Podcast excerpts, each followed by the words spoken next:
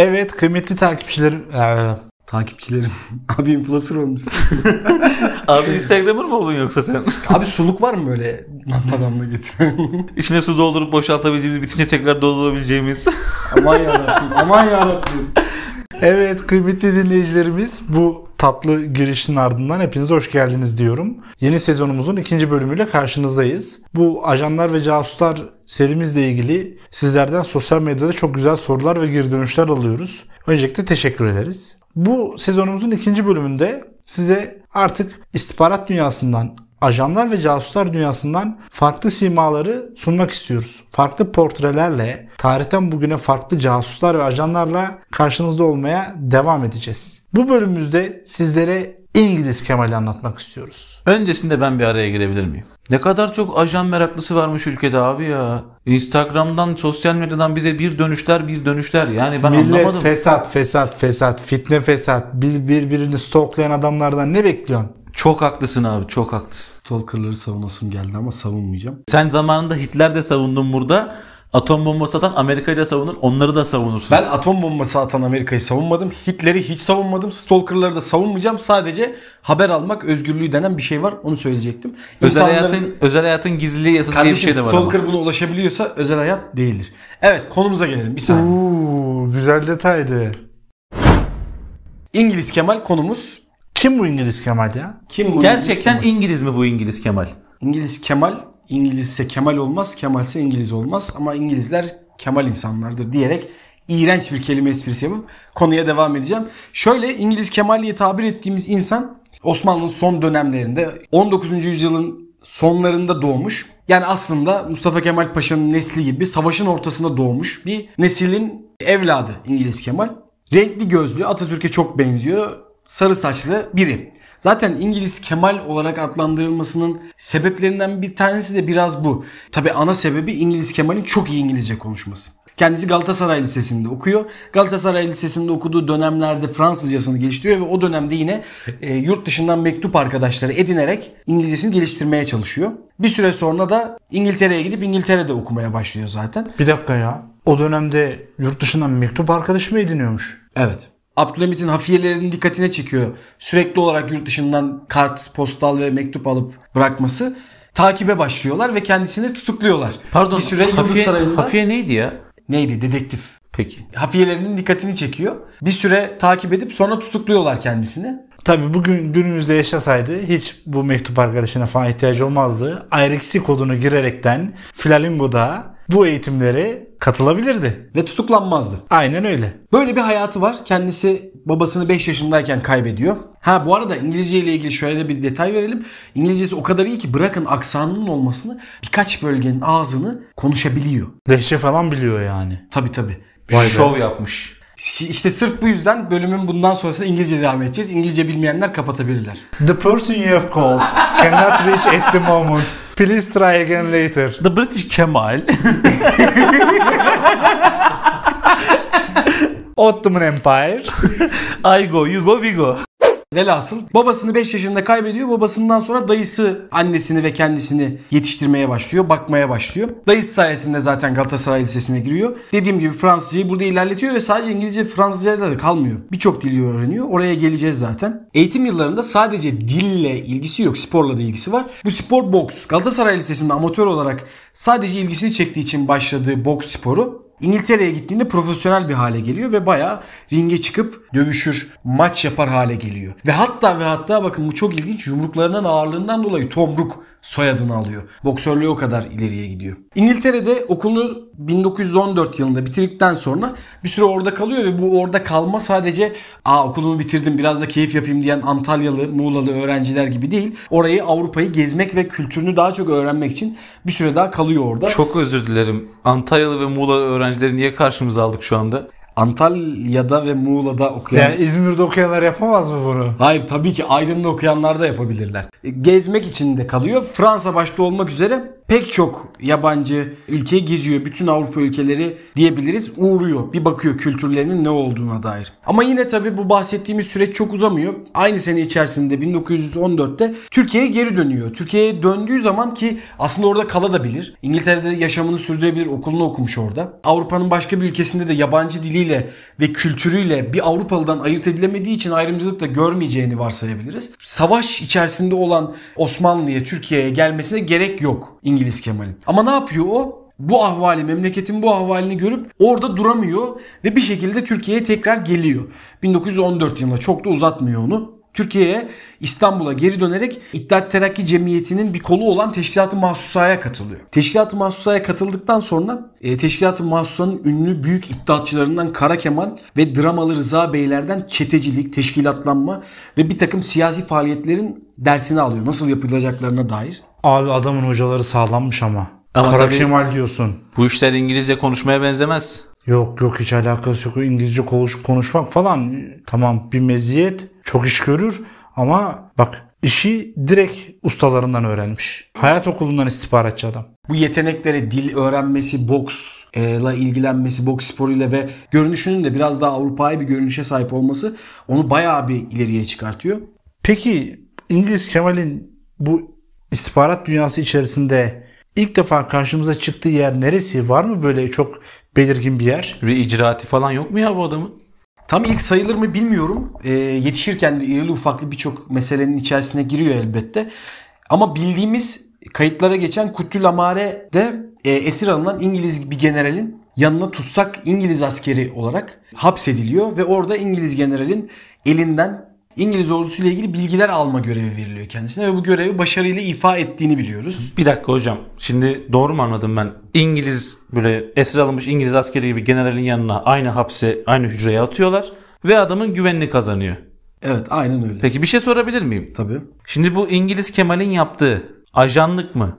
Casusluk mu? Hafiyelik mi? Yoksa istihbaratçılık mı? İngiliz Kemal kendi anılarını yazdığı kitaplarda Türk casusu diye bahsediyor kendinden. Ama tabii dinleyicilerimiz de bu karmaşık soruya bu sezonu bitirdikten sonra çok net cevap verebilecekler. O yüzden bence bu soruyu aynı zamanda dinleyicilerimizin ne düşündüğünü de merak ettiğimizden dolayı internette bir anket ya da bir soru şeklinde sorabiliriz. Bu görevden sonra bildiğimiz ikinci büyük görevi de işgal kuvvetleri İstanbul'a girdiği sırada gerçekleşiyor. 1919'da işgal kuvvetleri İstanbul'a giriyor ve zulüm başlıyor. Orada büyük bir zulüm başlıyor.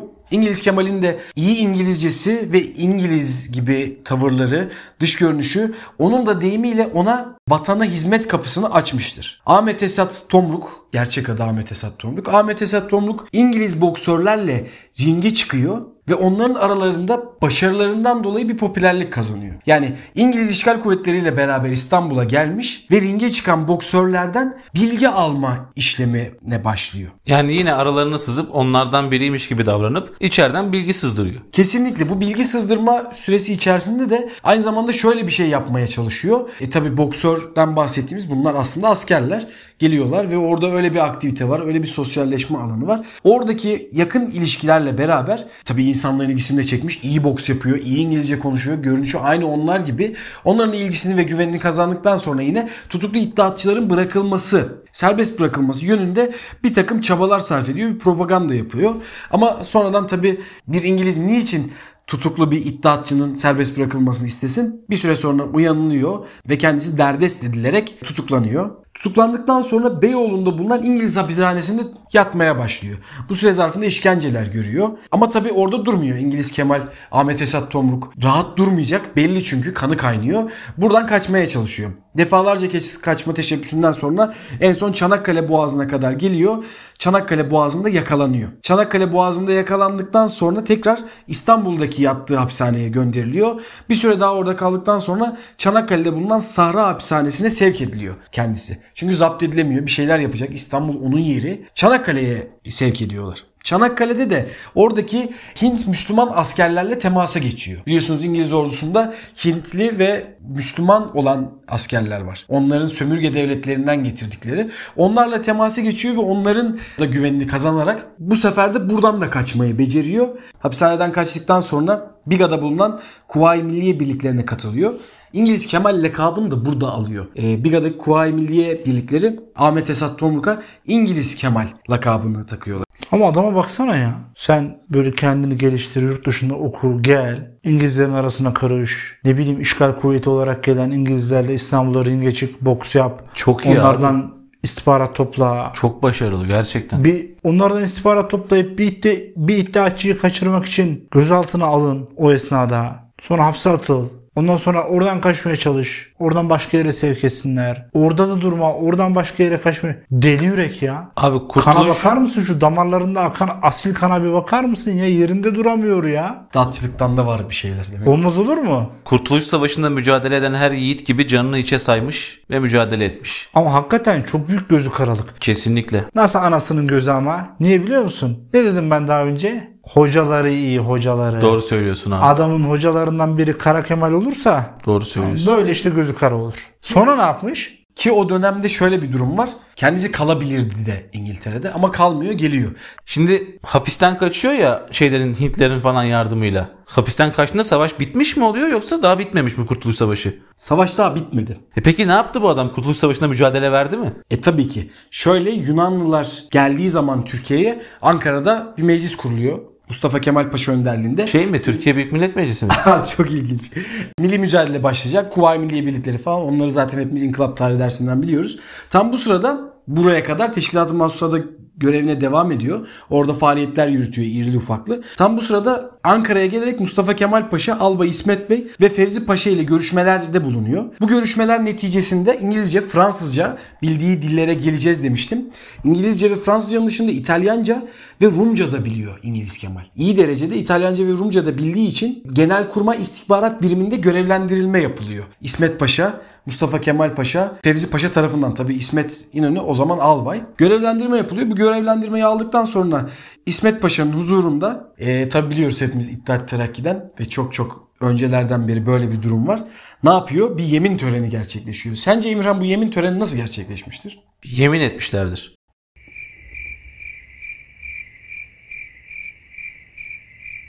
Çok ilginç. Gerçekten çok ilginç. İsmet Paşa'nın huzurunda bayrağa, Kur'an'a ve silaha onlara elini koyarak bağlılık yemini ediyor. Bağlılık yemininden sonra İngiliz Kemal ilk görevini alıyor. Sence ilk görev olarak ne vermişlerdir abi İngiliz Kemal'e? Kurtuluş Savaşı döneminde. Kesin Yunanlarla ilgili bir şey vardır bence. Belki İstanbul'u işgal halinde olan İngilizlerle ilgili bir şeydir. İzmir ya da İstanbul'la ilgili bir şey olabilir. Ne var? Abi sen bildin cevabı. Yunan ordusu karargahına sızıp Kurtuluş Savaşı için önemli bilgileri alma görevi veriliyor. Vay be. Bu görev için ilk önce Antalya'ya geçiyor. Oradan Rodos'a geçerek kendini Amerikalı bir gazeteci olarak tanıtıyor. Önceden İngilizdi, şu an Amerikalı oldu. Amerikalı bir gazeteci olarak tanıtıyor ama işin biraz daha ilginç tarafı Türk birinin kendini Amerikalı bir gazeteci olarak tanıtması ve insanlara inandırması.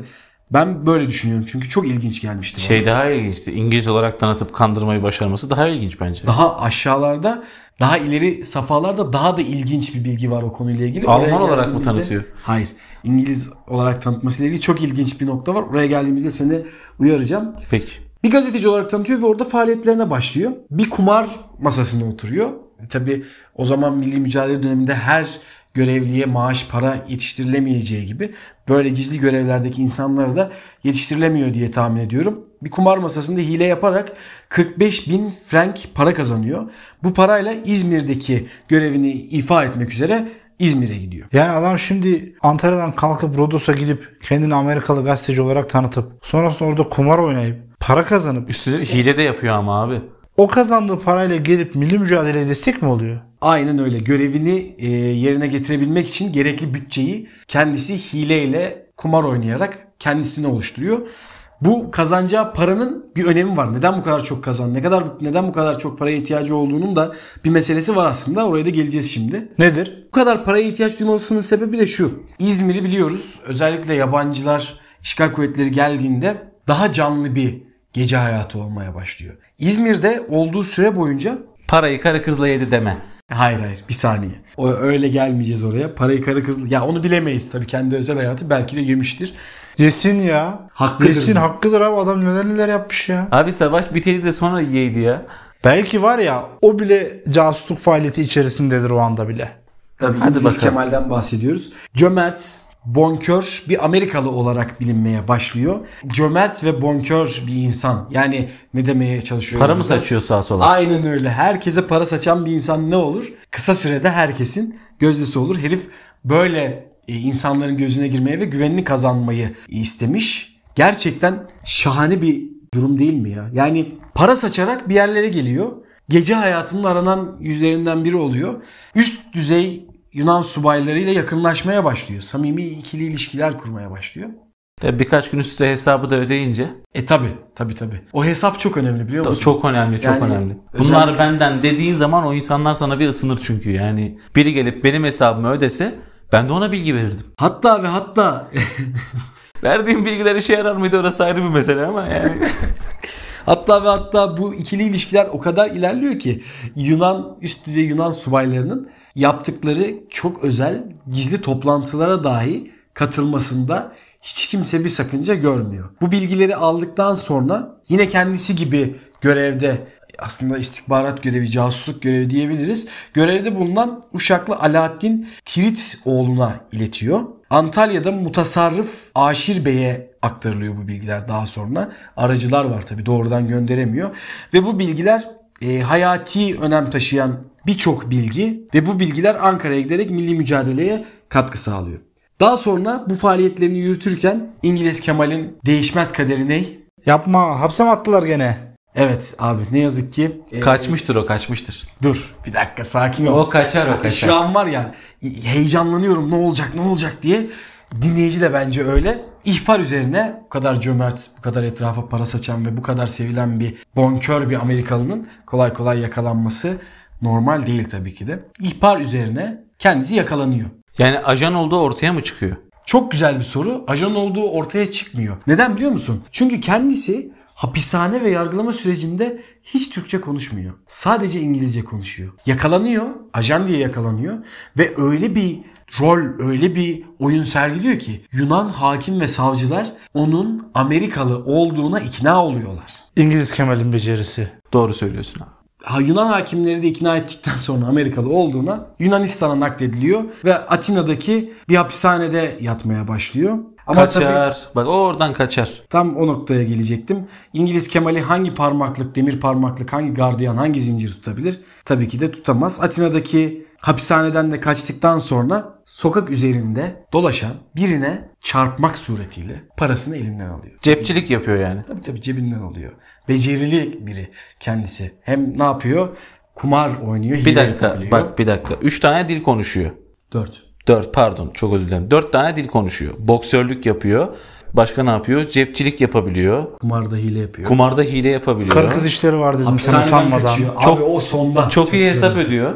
Çok o, iyi hesap o ediyor. önemli. Çok iyi hesap ödüyor. Ya bayağı da becerikli bir adam. Şeytan tüyü de var. Tabii, Çok tabii. acayip. Casusluğa giriş 101. Bir casusta bulunması gereken nitelikleri sayınız. Bakınız İngiliz Kemal. Bakınız İngiliz Kemal. Sonra ne oluyor? Çaldığı parayla beraber Fransız şilebine kaçak bir şekilde binebiliyor. Yine rüşvet veriyor muhtemelen. Ya da artık ne yaptı? Şeytan tüyü var kendisinde. İkna etti herhalde bir şekilde oradaki görevlileri. Bir şilebe binerek İzmir'e ulaşıyor. Ulaştıktan sonra tabii ya babacım çok yorulduk tamam artık bana bir görev vermeyin falan diyor mu? Asla. Dese de hakkıdır. İşte dese hakkıdır ama Töbe demez. demez. Kara Kemal'den eğitim alan biri böyle bir şey demez. Anadolu'ya tekrar ulaştığında yeni görevi kendisini hazır ve nazır bir şekilde bekliyor. Bismillah ne gelecek bakalım çok merak ediyorum. Bu sefer nereye gidecek sizce? Yani bilemedim. Nereye gitse acaba? İstanbul. İstanbul hmm, sayılır mı bilmiyorum. Batı Trakya'da bulunan Yunan ordusuna hizmet eden Ermeni generalin karargahına sızma göreviyle oradan alacağı bilgilerle bu sefer milli mücadele için, Kurtuluş Savaşı için görev yapmaya başlıyor. Oradan da aldığı bilgilerle yine Kurtuluş Savaşı ve milli mücadeleye paha biçilemez katkılarda bulunuyor. Bu Batı Trakya'daki görevinden sonra tabii ki İngiliz Kemal'in durması, uslanması beklenemez. Adam iddiatçı adam iddiatçı. Adam iddiatçı kesinlikle. E, milli mücadele için, Kurtuluş Savaşı için irili ufaklı birçok görevde de yer alıyor. Yine bu görev aldığı görevlerinde birçoğunu kendi yazdığı kitaplarda anlatıyor. İngiliz Kemal en sonunda hiç yakalanmadan Türkiye Cumhuriyeti'nin bir vatandaşı olarak hayatına devam ediyor değil mi? Tabii şöyle oluyor. Bu kadar sayısız görevden sonra nasıl bir gelecek bekliyor İngiliz Kemal'i? Aslında sanki bunları hiç yapmamış gibi, sanki İngiltere'de kalmış ve huzurlu bir hayata devam ediyormuş gibi bu görevlerden sonraki hayatında inşa edebilmiş biri. Bu da çok ilginç. Cumhuriyet dönemi geldiğinde Cumhuriyet'in ilanından sonra Genelkurmay İstihbarat Biriminden ayrılıyor. Artık emeklilik yılları başlıyor tabiri caizse. İstanbul'a yerleşiyor. Tercüman rehberlik yapmaya başlıyor. Yani böyle bir adamdan böyle bir iş yapmasını bekler miydiniz emeklilik yıllarında? Yani Ben beklerdim. Gene muhtemelen istihbaratçılık yapıyor olabilir o yıllarda da. mümkün. Biraz daha pasif, daha aksiyonu az bir görev alıp çünkü tercüman rehberlik, e, tur rehberliği tam onun kalemi iş. Vallahi bilemiyorum. Sonradan zaten kendi eşinden ayrılıp İngiliz bir aktörle evleniyor. O da çok ilginç. Belki bu da istihbarat Kim bilir belki orada da bir ajanlık vardır. Olabilir. e, İngiliz Kemal'den bahsediyoruz. Tabi bu sırada İngiliz Kemal e, aynı zamanda entelektüel bir kişiliği de olduğu için ki spor entelektüelitenin aslında içerisinde olur. 1932'ye kadar hafif bisikletteki boks şampiyonluğunu kaybetmiyor. Kimseye bırakmıyor. Hafif bisiklette boks şampiyonu olarak hayatına devam ediyor. 1932'de başka biri e, bunu elinden alıyor onun. Yaşlanmış.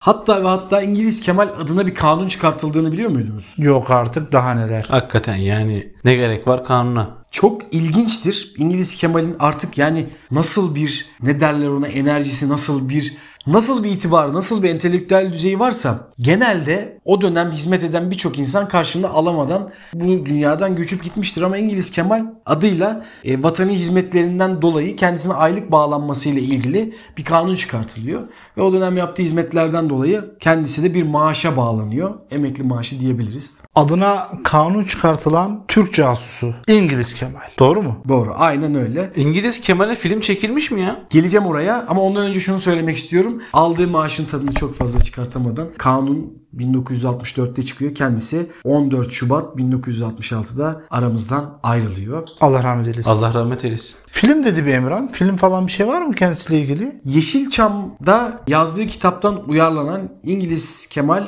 Türk casusu İngiliz Kemal Lawrence'a karşı diye bir film yapılıyor. Hatta onun çok ünlü geçen bir e, yargılanma sahnesi var. O yargılanma sahnesini hatırlıyorsunuz. Suçun ne? Türk olmak. İdam diyor Yunan generali hakimi. İngiliz Kemal'in filmi de yapıldı yani anlayacağınız. E tavsiye edelim de o zaman dinleyicilerimiz o filme bir baksınlar. E, Bence baksınlar. bence sadece filmle de kalmasınlar. İngiliz Kemal'in kendi kaleme aldığı kitaplarını da sahaflardan edinip okusunlar. Neden sahaflardan edin- edinsinler diyorum. Çünkü diğer yayın evlerinde bulamazlar. Baskısı yok. Maalesef. Kitaplara ulaşmak isteyen dinleyicilerimiz için de kitapların adını kısaca söyleyeyim o zaman. Türk Casusu İngiliz Kemal Lawrence'a karşı zaten filmi yapılan kitap da bu. Türk Casusu İngiliz Kemal Kıbrıslı çetecilere karşı. Türk Casusu İngiliz Kemal Orta Doğu'da diye bizim bildiğimiz kendi kaleme aldığı 3 tane anı kitabı var. Tabi bunun dışında Türk Casus İngiliz Kemal Milli Mücadele'de Kurtuluş Savaşı'nda diye başka yazarların da kaynaklar ışığında yazdığı kitaplar da var. Kendi yazdıkları bu kadar ama. Filmi yapılan, kendi anılarını yazan, kendi adına kanun çıkartılan bir Türk casusundan bahsediyoruz. Aynı zamanda İngilizlere Amerikalı olduğuna inandıran usta bir casus bu. Gerçek, 10 parmağında 10 marifet. Muazzam bir casus. gerçekten ustaymış. Hani böyle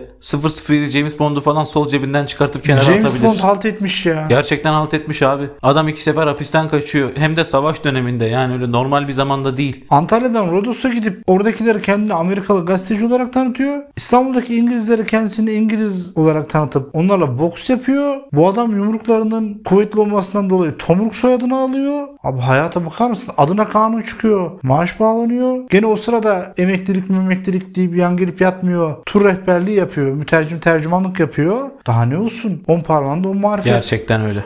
Casus gibi casus. Adam gibi adam. İngiliz Kemal. Sinemalarda. Eskiden öyleymiş. O zaman İngiliz Kemal'e bir alkış buradan gelmez mi? Bu şarkı. O zaman bütün dinleyicilerimiz ruhunda İngiliz Kemal'in ruhuna El Fatiha.